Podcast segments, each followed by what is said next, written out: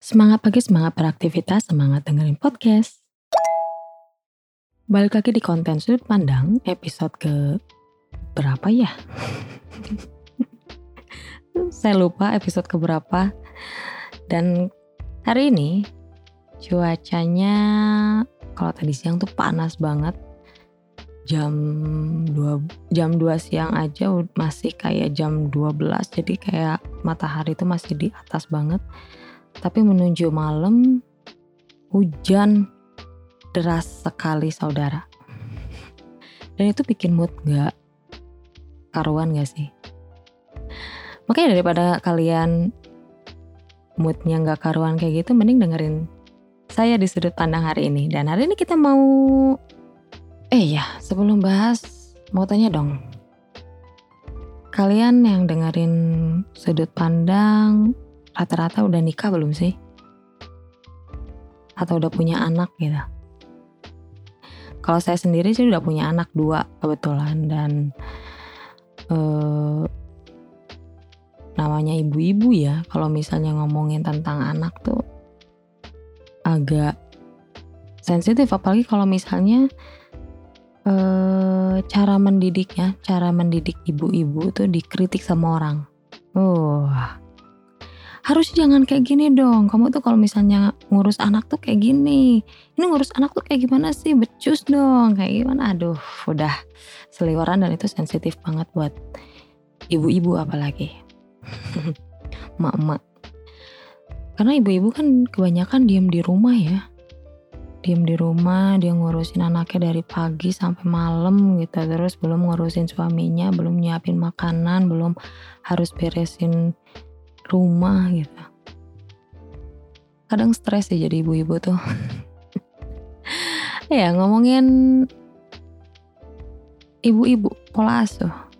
Kebetulan handphone saya beberapa hari ke belakang itu sibuk banget sama BBC News tuh. Yang ceritanya tentang uh, seorang princess dari Dubai anaknya Syekh Muhammad. Emang aku kalau misalnya dirinya itu disekap oleh orang tuanya. Nah, sama ayahnya sendiri gitu kan. Ekspektasi kita kan kalau namanya princess tuh apa ya enak ya hidupnya. Segala kebutuhannya tercukupi, terus dari finansial, dari pendidikan juga kan. Pokoknya enak lah yang namanya princess tuh kan.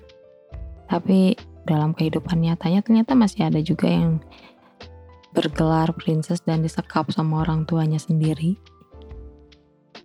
Ini terlepas dari apa pun eh, penyebabnya ya. Maksudnya Syekh Muhammad juga pasti punya alasan kan kenapa dia menyekap anaknya sendiri gitu di satu villa yang dijaga ketat sama beberapa penjaga itu kan sampai anaknya sempat kabur terus dibawa balik lagi ke Dubai gitu. Kejadiannya emang udah beberapa tahun ke belakang tapi sampai sekarang emang belum ada kepastian. Emang Syekh Muhammad ini kan pernah bilang kalau anaknya ini mengidap bipolar. Tapi hmm, kalau dari info yang ada, ternyata princess saya yang kebetulan istri keenamnya pernah juga mencoba kabur ke Inggris dan sampai sekarang itu masih memperjuangkan hak asuh hak asuh atas kedua anaknya gitu kan ya mungkin mereka bipolar semua atau gimana saya nggak paham gitu. cuman kalau zaman sekarang gitu zaman yang serba demokratis gitu kan masih ada aja orang yang hmm, otoriter mungkin ya disebutnya kenapa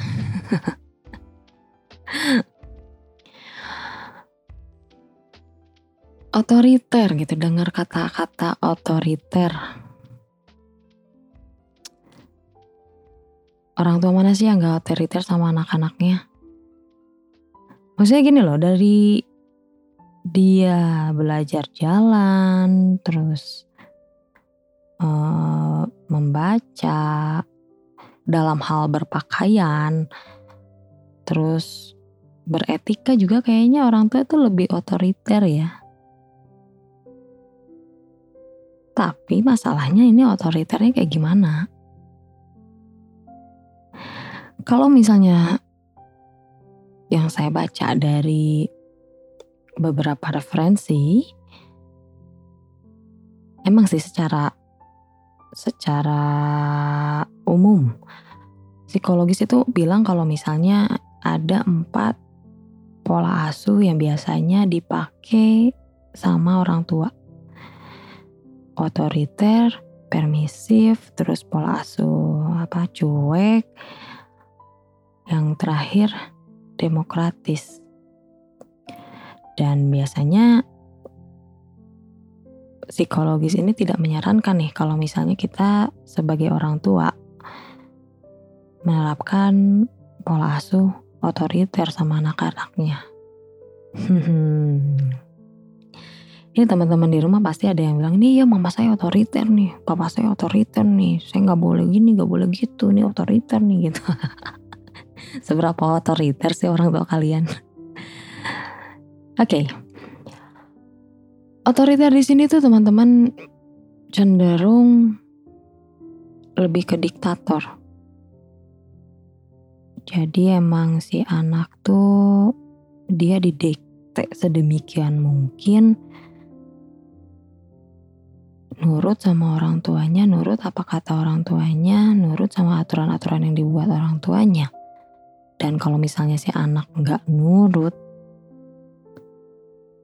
ya otomatis ada punishmentnya.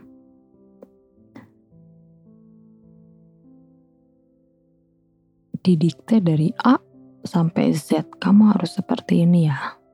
Nanti caranya kayak gini. Ini papa tuh orang tua kamu loh. Ini mama tuh orang tua kamu. Mama lebih tahu uh, apa yang kamu butuhin. Mama lebih tahu yang terbaik buat kamu. Sehingga si anak gak punya salah dia untuk mengungkapkan pendapatnya. Karena kan gak semua yang orang tua pengen tuh anak tuh uh, setuju, anak tuh oke okay dengan pilihan orang tuanya. Gak semuanya kayak gitu. Dan kenapa banyak psikolog yang tidak mm, merekomendasikan pola asuh otoriter ini sama orang tua terhadap anaknya ya. Karena ternyata emang banyak banget impact-impact negatif yang mungkin berdampak kepada anaknya ini.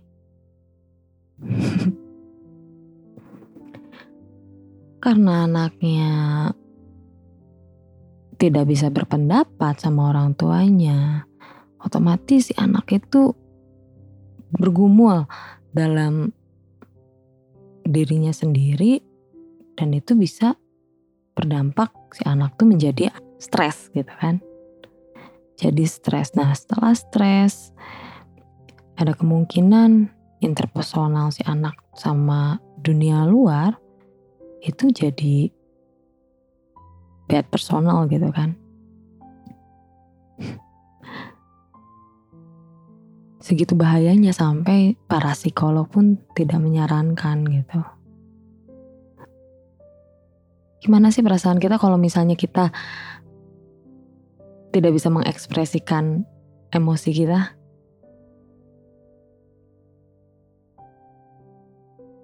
Sekalinya kita mengekspresikan, sekalinya kita berpendapat, kita kena punishment. Dan mungkin kalau misalnya orang tua-orang tua yang otoriter atau diktator ini uh, lebih apa ya bahasanya kayak self-serving bias gitu ya. Dia doang yang benar, semua orang salah.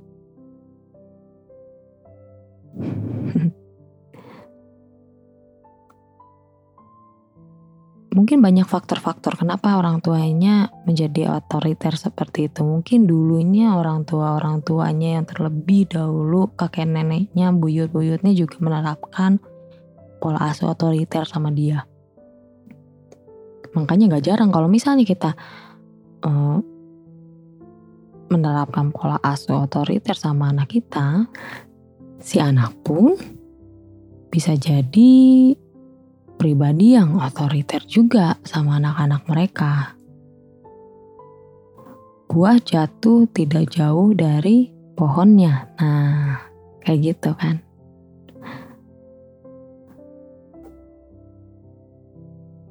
Kebayang gak sih? Kita misalnya ya, kita adalah korban-korban dari keotoriteran orang tua yang notabene mentalnya aja udah rusak.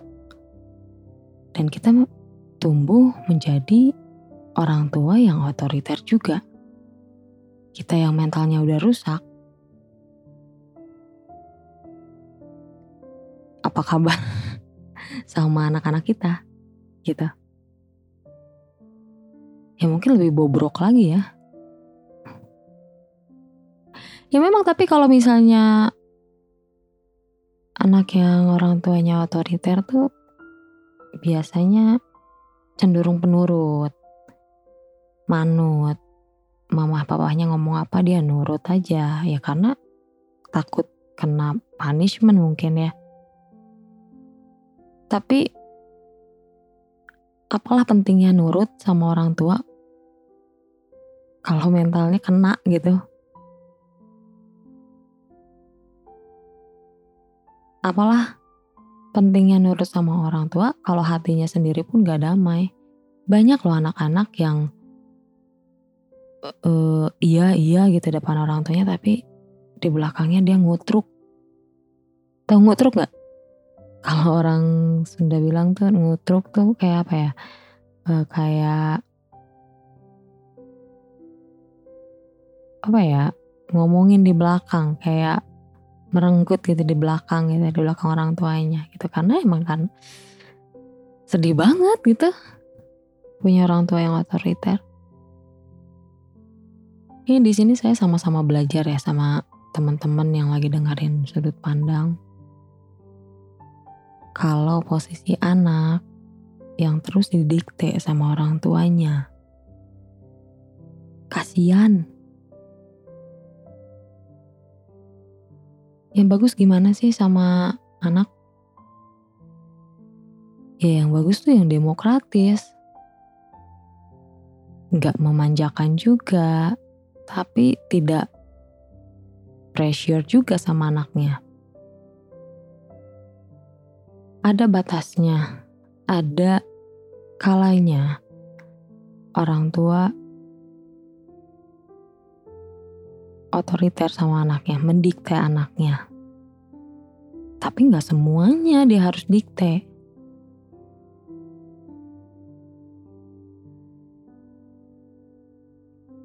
Ada kalanya orang tua memang harus memberikan punishment ketika anaknya salah. Tapi nggak semata-mata dikasih punishment. Dengerin dulu anaknya kenapa. Dia melakukan hal yang mungkin di luar dari aturan orang tuanya.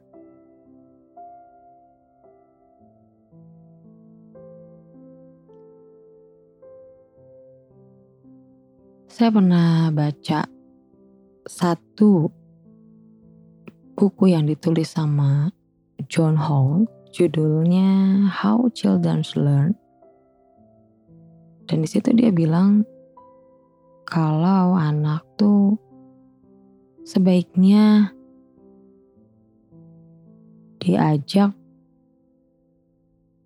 berpikir untuk menyelesaikan masalah. Diajak berpikir, diajak berpendapat dalam menyelesaikan masalah.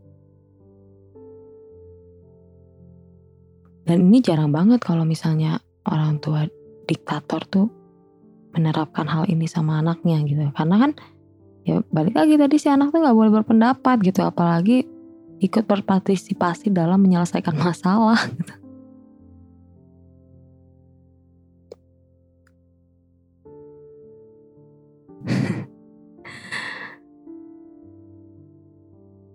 Saya pernah deh baca satu puisi yang ditulis sama Halil Gibran. Yang mungkin relevan dengan pola asuh orang tua diktator ini. Boleh gak sih saya baca puisi di sini? Agak pede ya saya ya, tapi nggak apa-apa deh. Zaman sekarang jarang banget kan ada orang yang baca puisi di podcast lagian. Oke, okay. satu puisi dari Halil Gibran. Anak-anakmu bukanlah anak-anakmu, mereka adalah putra-putri dari kehidupan yang merindukan dirinya sendiri. Mereka datang melaluimu, tapi bukan darimu. Dan walau mereka tinggal bersamamu, mereka bukan milikmu. Kamu dapat memberikan kasih sayangmu, tetapi tidak pikiranmu. karena mereka punya pikiran sendiri. Sekian dan terima kasih.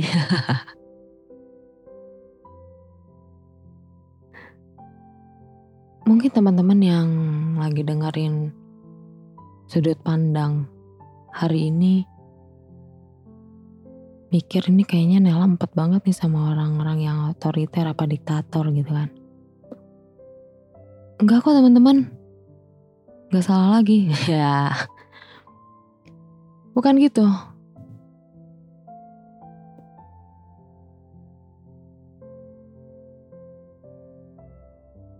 Sebetulnya balik lagi sama diri masing-masing ya.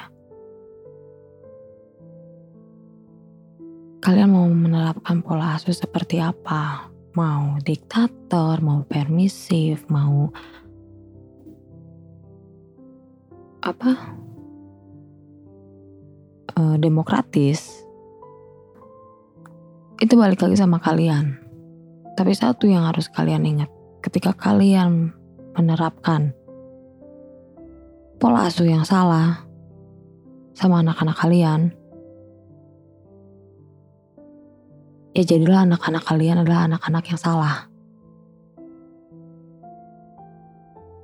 Dan buat teman-teman nih yang ngerasa iya nih uh, mama saya diktator atau papa saya ternyata diktator gitu. Ya kita mau apa?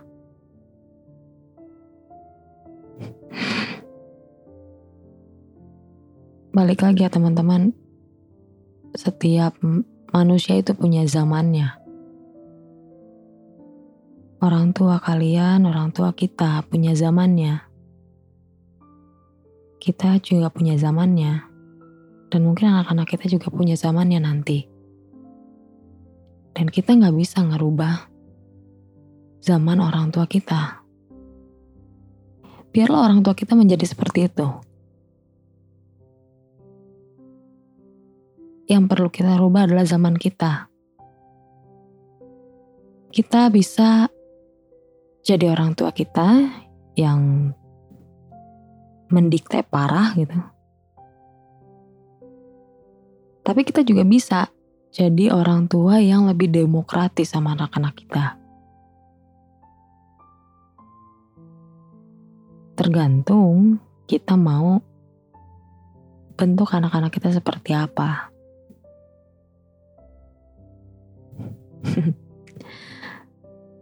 Jadilah kita seperti orang tua kita dengan versi yang lebih baik lagi. Mungkin itu aja ya teman-teman untuk hari ini karena udah hampir setengah jam mungkin ya. Nemenin kalian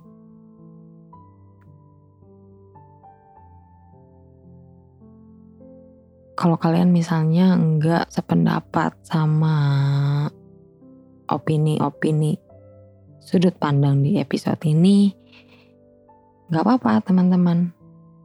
Kita terbuka untuk nampung ide-ide kalian, untuk nampung pendapat-pendapat kalian yang bisa kalian kirimin di emailnya Elrama atau di DM Instagramnya Elrama dan itu free.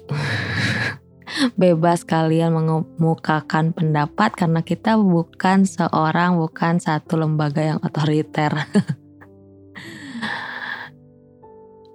Dan jangan bosan dengerin Arama karena kalau misalnya sudut pandang kan rilisnya dua minggu sekali tuh. Tapi kalau misalnya kalian lagi bosen, lagi bad mood, kalian bisa kok puter lagi episode-episode Arama yang sebelumnya. Dan jangan lupa follow Instagramnya, Spotify-nya juga. Dan yang buat udah follow, hmm, thank you banget ya. Tanpa kalian kami bukan apa-apa. Apalah artinya seorang uh, announcer kalau misalnya tidak ada pendengar, betul tidak? Dan hari ini cukup, episode ini cukup, episode ini ditutup. Akhir kata, Assalamualaikum warahmatullahi wabarakatuh.